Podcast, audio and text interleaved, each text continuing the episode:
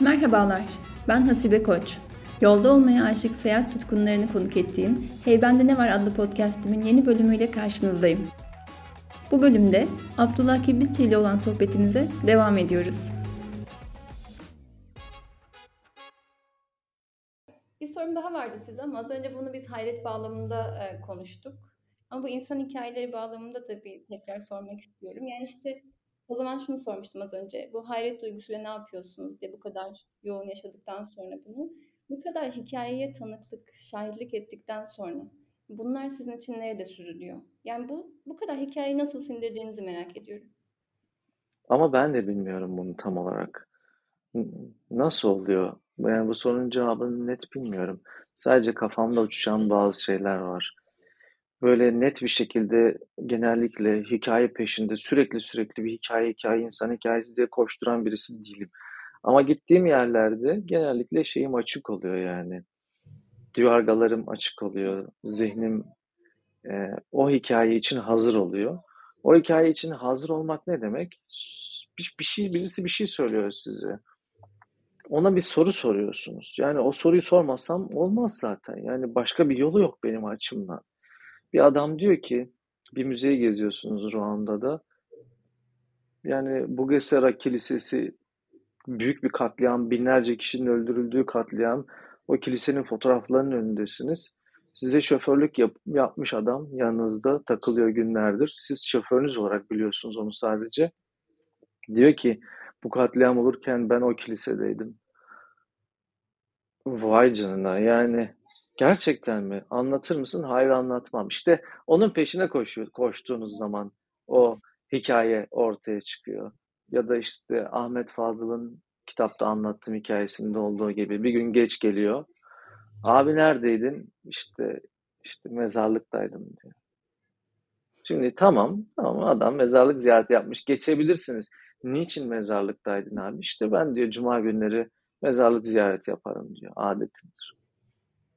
Ben durmuyorum işte o noktada yani ya da bir şekilde durduramıyorum kendimi. Ben durmuyorum değil de belki kader öyle tayin ediliyor. O soruyu soruyorum.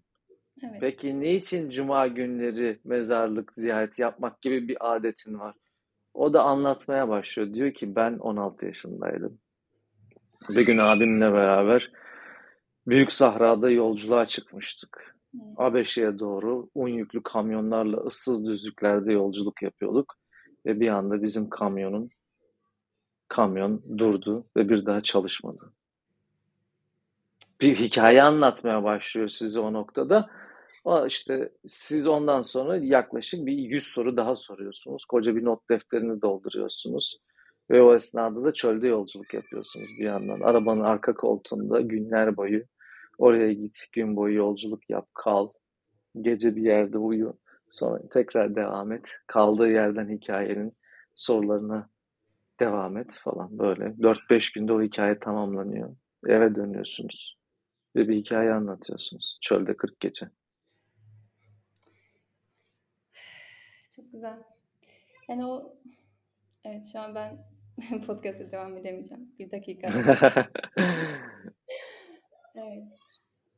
Yani o soru işaretlerini sordukça aslında şey açılıyor. Düğüm açılıyor. Ya bu ara benim hayatımda çok e, düşündüğüm bir metafor vardı aslında. Bu bahsettiğiniz bu soru sormanız ve sonrasında o yolun o hikayenin görünür olması aslında. Siz merak etmeseniz, o soruyu sormasanız, o kişi anlatmaya başlamasa o hikaye karanlıkta kalacak. Anlatmıyorlar zaten. Mesela Ruanda'daki o hikayeyi ben Osman'a anlattırabilmek için çok fazla çaba sarf ettim.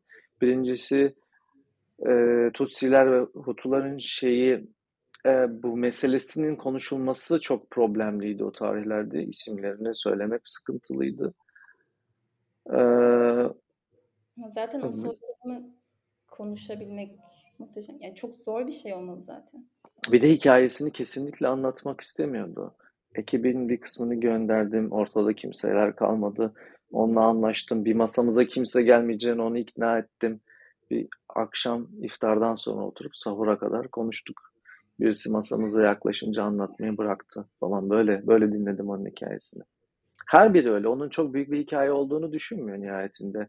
anlatıldığı zaman zaten hikaye oluyor öyle değil mi yani? 16 yaşındayken o çocuk bir şey yaşamış çölde işte. Belki o da içinde olunca fark etmiyor ama işte ona bir ışık yakıldığı zaman, o görünür olduğu zaman o hikayenin büyüklüğü ortaya çıkıyor.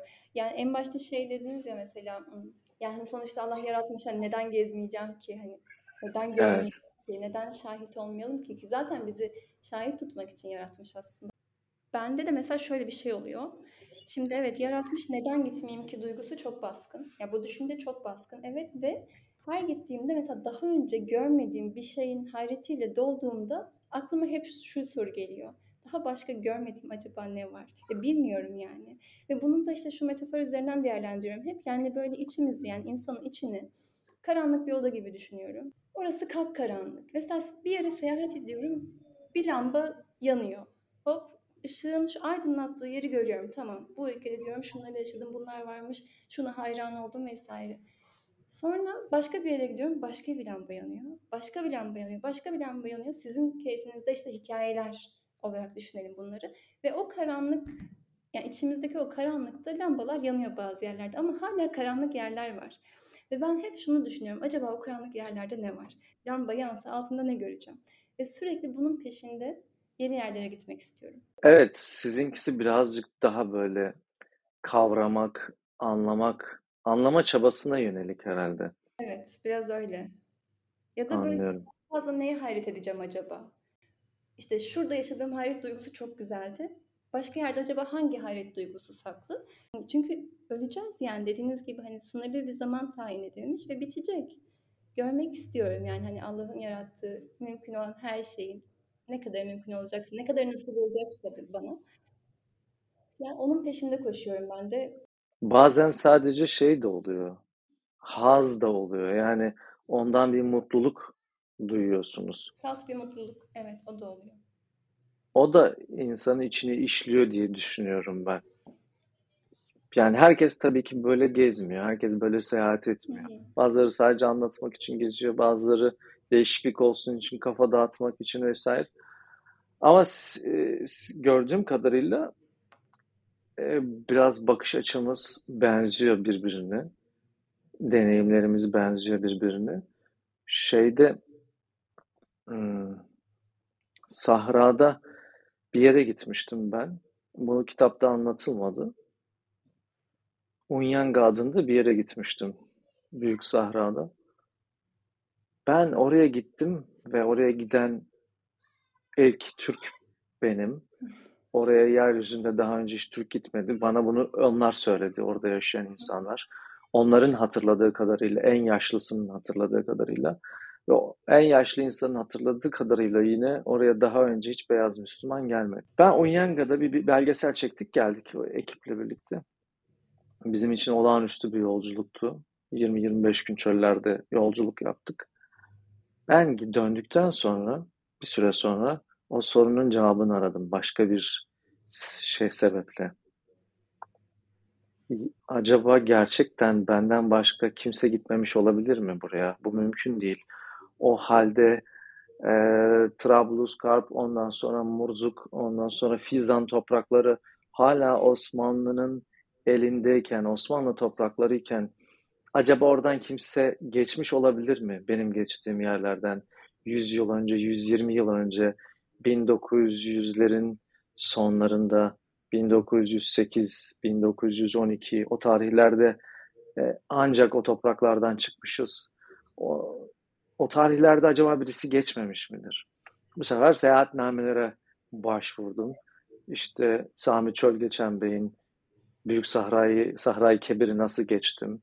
İşte Cami Baykurt Bey'in, ondan sonra Sadık El onların yazdıkları, o çölde yaptıkları yolculukları adım adım takip ederek haritalandırdım ve günlerimi, haftalarımı, gecelerimi, sabahlarımı bunlar için harcadım. Orada Önümde de sayısız harita açık. Hem modern haritalar hem eski haritalar, arşiv haritaları, bin bir türlü haritadan kaybolmuş yerler. Çünkü 1908 yılında yazmış onu e, Sami Çölgeçen Bey.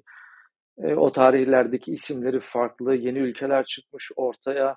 Onların izlerini sürerek oradaki kaybolan kuyuları, köyleri, kasabaları bularak değişen isimleri tespit ederek Arapçalarına, Farsçalarına, Fransızcalarına pardon bakarak onları bulmaya çalışmak ve bütün bu yol haritasını çıkartmaya çalışmak için günlerini harcamak seyahat etmeden de evde bana seyahat hazını yaşatan bir şey mesela.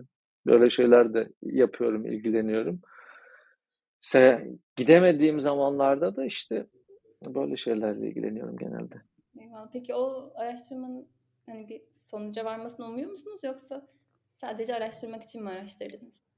Ben işte e, Ahmet Fadıl'ın çölde geçirdiği günlerle ilgili o hikayesini yazdıktan sonra bir de oturdum bunun senaryosunu yazmaya kalktım.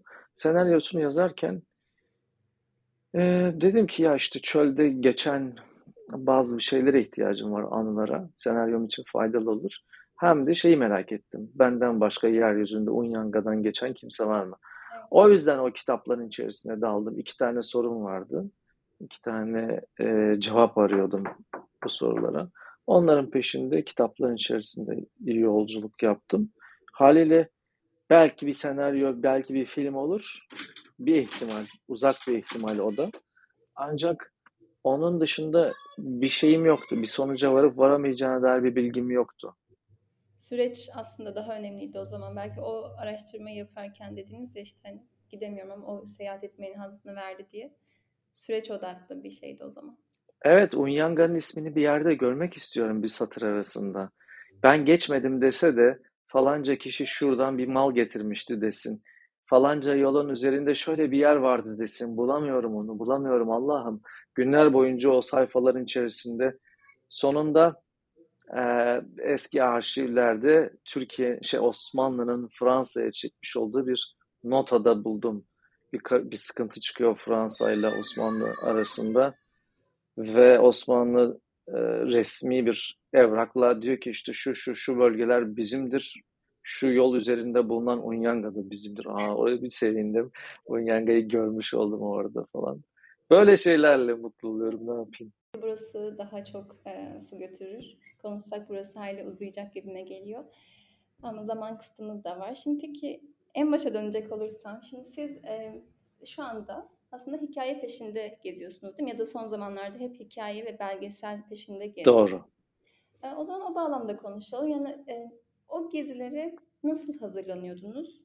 Şimdi belgesel bir iş olduğu için hazırlanıyorsunuzdur diye düşünüyorum ama onun dışında genel olarak da sorabilirim bu soruyu. Yani Abdullah Kirbitçi bir seyahate nasıl hazırlanır? Ya da hiç hazırlanmaz, çantasını alır çıkar mı?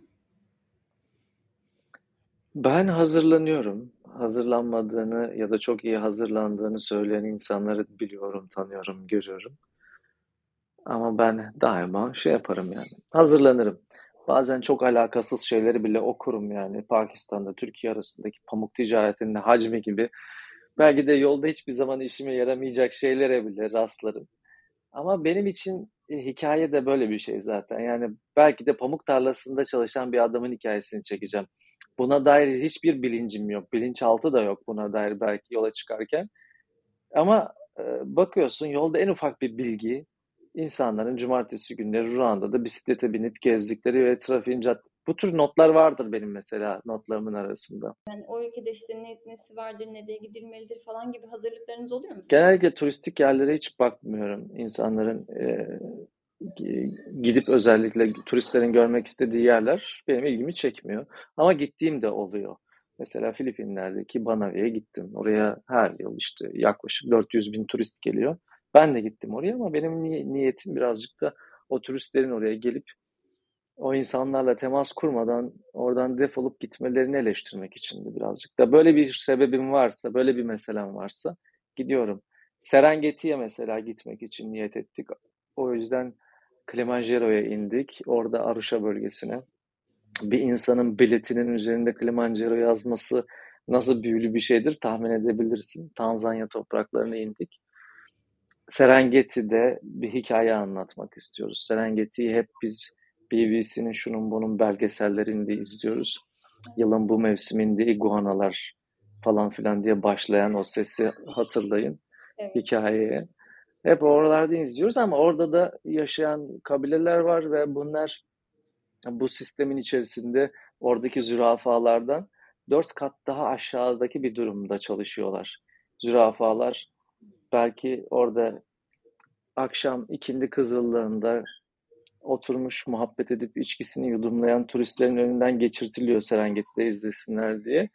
Ama o hizmeti veren orada insanlar var, kabileler var.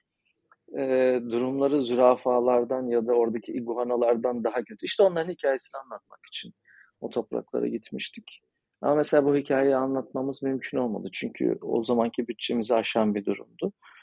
Ben şey demiştim yani kapitalizmi eleştirmek için geldik ama kapitalizmi eleştirmeye paramız yetmedi.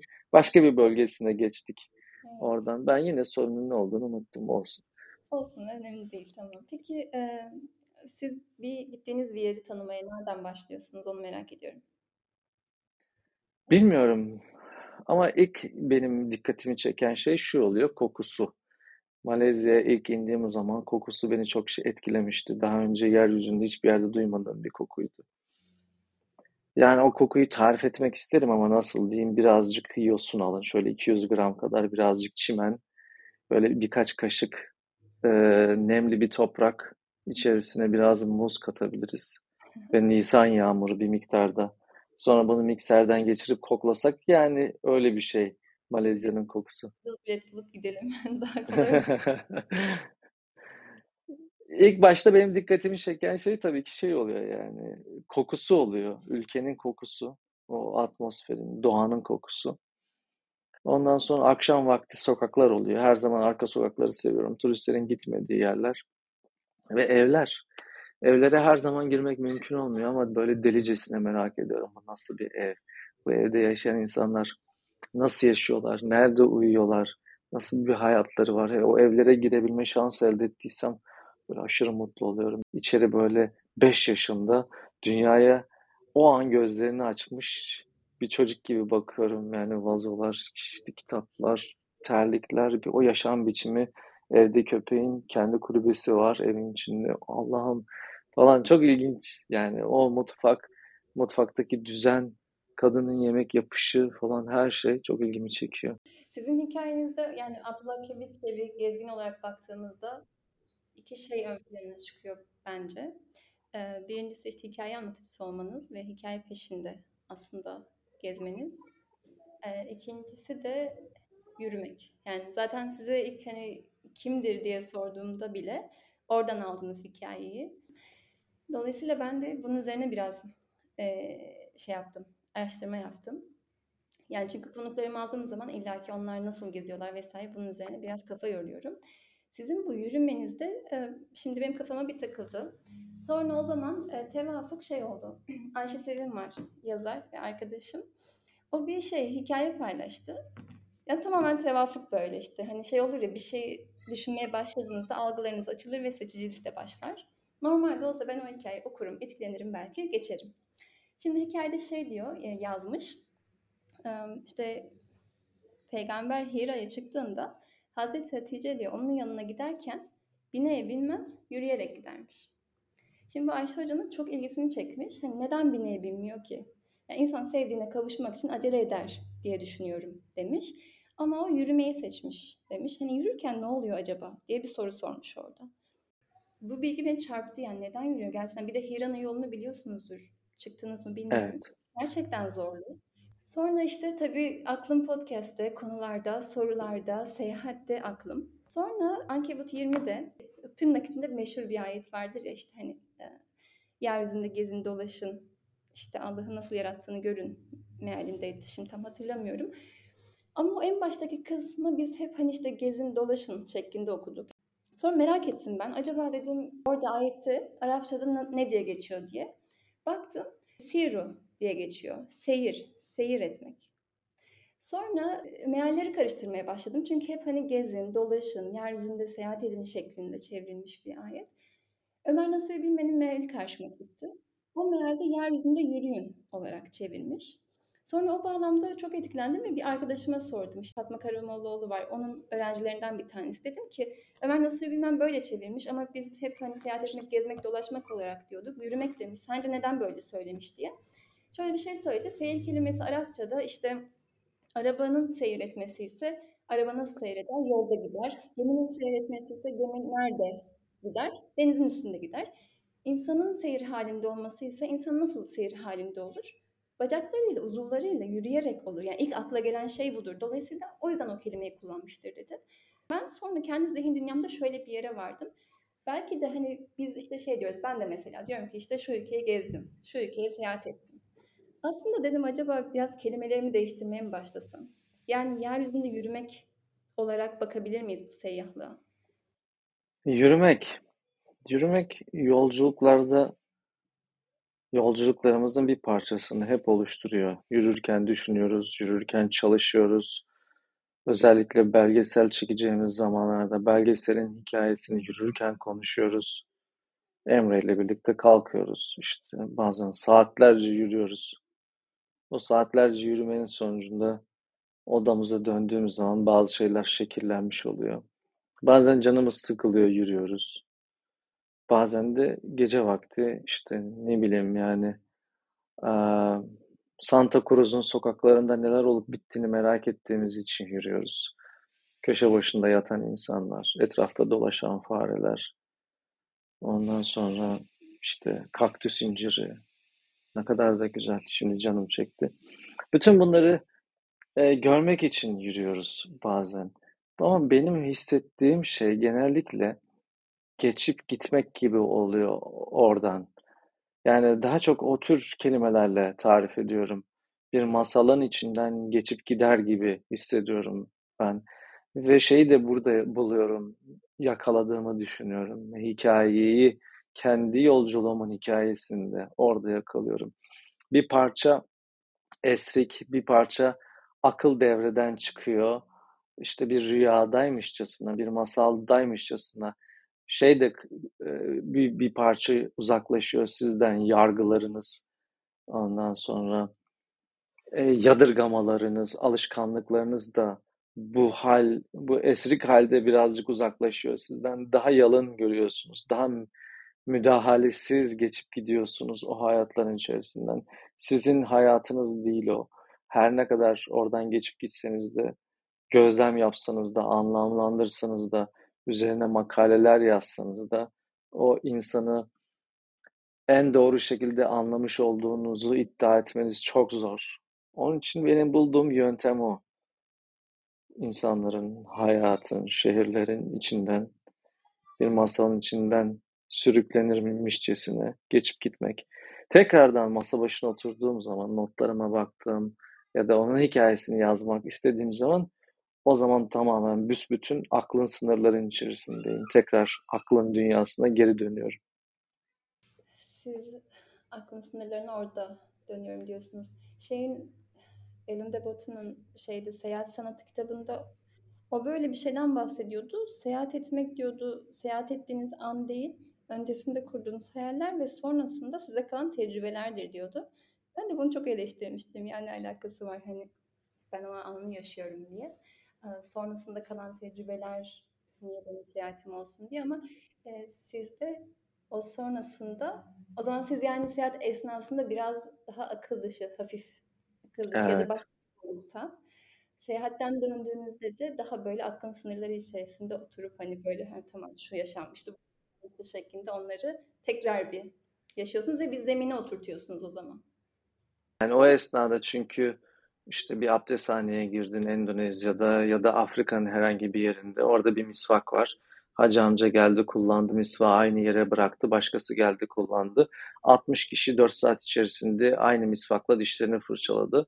Bunu gördüğünüz zaman mesela e, aklınızla direkt ona şey yapıyorsunuz yani müdahale ediyorsunuz. Benim orada yarı bilinçli halimle bu gayet bana mutluluk veren kabul edebildiğim bir şey oturup masa başında İstanbul'da düşünürsem ya bu hijyenik açıdan doğru olmayabilir falan diyebilirim. Onu da demiyorum gerçi de o o kadar da dahil olmak üzere her şeyi kabullenmeye çalışıyorum.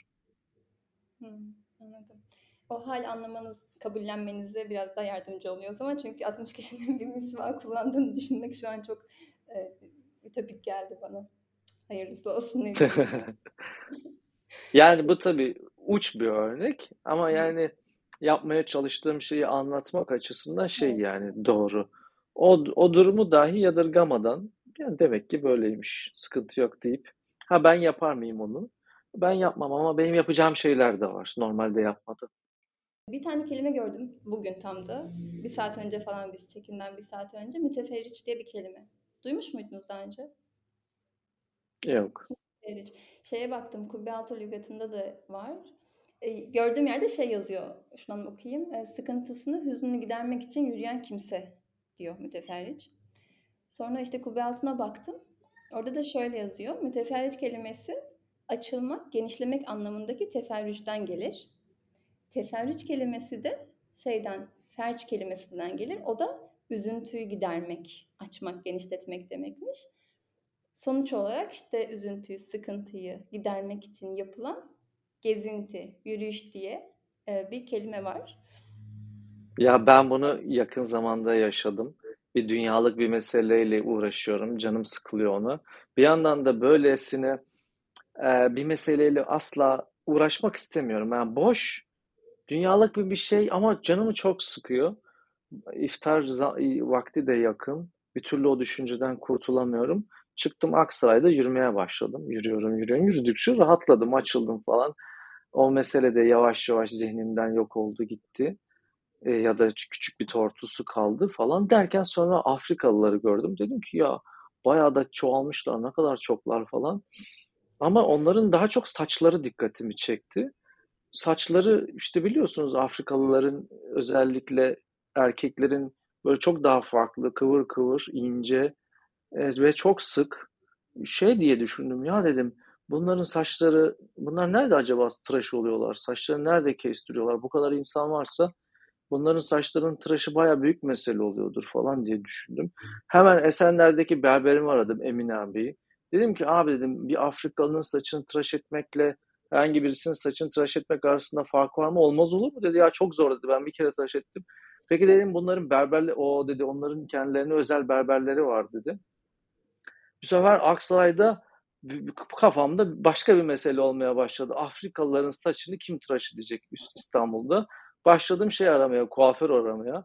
Afrikalılar için özel hazırlanmış kuaförler, Afrikalı çalışanlar bir iki tane bulunca çok sevindim. Sonra dedim ki ya daha fazla, daha çok açılması lazım e, Afrika kuaförleri. Çünkü çok sayıda Afrika bu, bu meselelerle kendimi avuttum. Bambaşka bir dünyanın içerisine girdim. Böyle dert, yeni dertler edindim kendimi. Yürümek bana böyle şeyler sağladı. Eyvallah. Şimdi ben e, notlarımı şöyle bir cümle yazmıştım. Yürüyen insan kendi üzerine çöken kaygı, haset ve korku yumaklarını çözer. Varlığını yeryüzünün ebediyen yeni olan kalbine düğümler diyor. Bu ilk kısım sizin e, bahsettiğiniz kısmına tekabül etti. Şey diyor, devam ediyor. Yürüyoruz. İşte bu düğümü atmak için demiş. Yeryüzünün ebediyen yeni olan kalbine düğüm atmak için yürüyoruz demiş. Sizin de bu yürümeleriniz ve sonrasında bir seyyah olmanız böyle bir şey mi acaba? Yeryüzünün yürüdükçe düğüm atıyor olabilir misiniz? Bilmiyorum yani yani ben çok öyle yani iddialı geliyor tabii o tür cümleler bana. Şey ben... belki 20 yıl sonra falan bir film çekerseniz orada bu cümleyi kullanabilirsiniz. Bilmiyorum. Yani nasıl tarif edeceğimi. Ben zaten çocukken yürürken yürüdüğüm yürüdüğüm zamanlarda niçin yürüdüğümü tarif edemiyordum. Sadece otogara gidiyordum bize yakındı. İnsanlara bakıyordum. Askeri uğurluyorlardı. Çocuğuna sarılıyordu. Bir baba, bir sevgili e, işte ayrılıyordu. Oradan yolcu ediyordu. Bir anne kızını gönderiyordu falancı yere falan. Bütün bunlar tabii çok ilginç geliyordu bana. Onları gözlemlemek. Otogarda günde belki binlerce kişi oradan yolculuk yapıyordu. Yeni kişiler geliyordu onların karşılanması, sevinç, hüzün ve mutluluk ikisi bir arada. Onları çok merak ediyordum. Ne oluyor? Şimdi kadın üzüldü. Çocuk gitti. Aa birisi geldi. Bu da sevindi. Bütün bunlar ne oluyor? Nereye kaydoluyor? Nereye gidiyor bu kadar? Bir de hepsini aynı anda yaşanıyor. Sırf otogarda şu anda belki 17 bin duygu aynı anda yaşanıyor. E, Esenler'de yaklaşık 2,5 milyar duygu aynı anda yaşanıyor. İnsanların e, işte aynı anda farklı duygular hissettiğini de varsayıyorum. Bunun çarpanı çok büyük. Yeryüzünde şu an 8 milyara yakın insan var. İnanılmaz. Trilyonlarca duygu var şu anda. Bütün bunlara ne oluyor? Bunlar nereye gidiyor? İşte bunları bu soru böyle konuşabilmek için uzun yıllar geçti. O sıralarda böyle tarif edemiyordum. Şimdi tarif edemediğim şeyleri belki uzun yıllar sonra tarif edebileceğim bilmiyorum. Henüz her kelime yok bende. Doğru. Hiçbirimizde yok. Yani çok e, az önce o çarpanlar, milyarlar yani gerçekten aklın sınırlarını e, zorlayan anlar bunlar. Ve dediğiniz gibi de şey zaman gerekiyor ki süzülsün, bir yerde biriksin. Sonra biz onları anlamlandırabilelim, kelimeleri dökebilelim ve günün sonunda ya da işte ömrün sonunda hayatımızda bir yere onları koyup yerleştirip umarım feraha erebilelim. Yoksa sürekli bir devinim devam ediyor. Peki e, sona yaklaştık artık toparlayacağım. iki sorum kaldı. Şey merak ediyorum. Şimdi bazen planlar yapıyoruz ama olmuyor. Sizin hiç böyle bir anınız oldu mu? Yani geldik buraya mı? Nereden geldik buraya? Hani gelmeseydik. Yani size sanki olmazmış gibi. Şu an cevabımı sanki ben evet. veriyorum. Ya ben olmuyor. Ben öyle bir şey hissetmiyorum.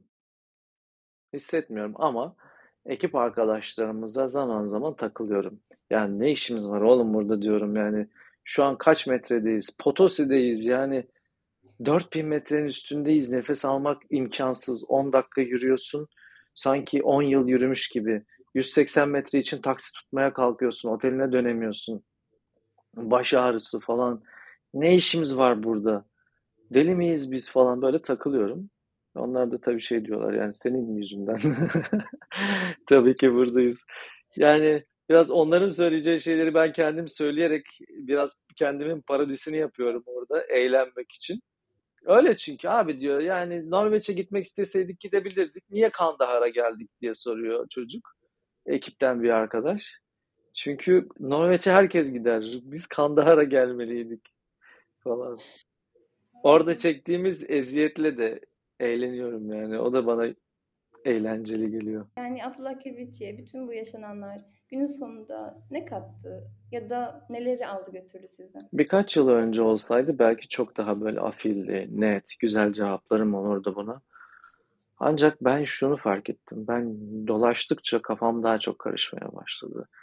Bazı taşların yerine oturacağını, durulacağını, her şeyin süt liman olacağını ve ben düzlüğe çıkacağımı zannediyordum var olmaya, yeryüzüne, insanlığa, kendime dair düşüncelerimin her şeyin toparlanacağını, gezen, gören ve okuyan, okudukça da, gördükçe de durulan bir insan olacağımı düşünüyordum, zannediyordum.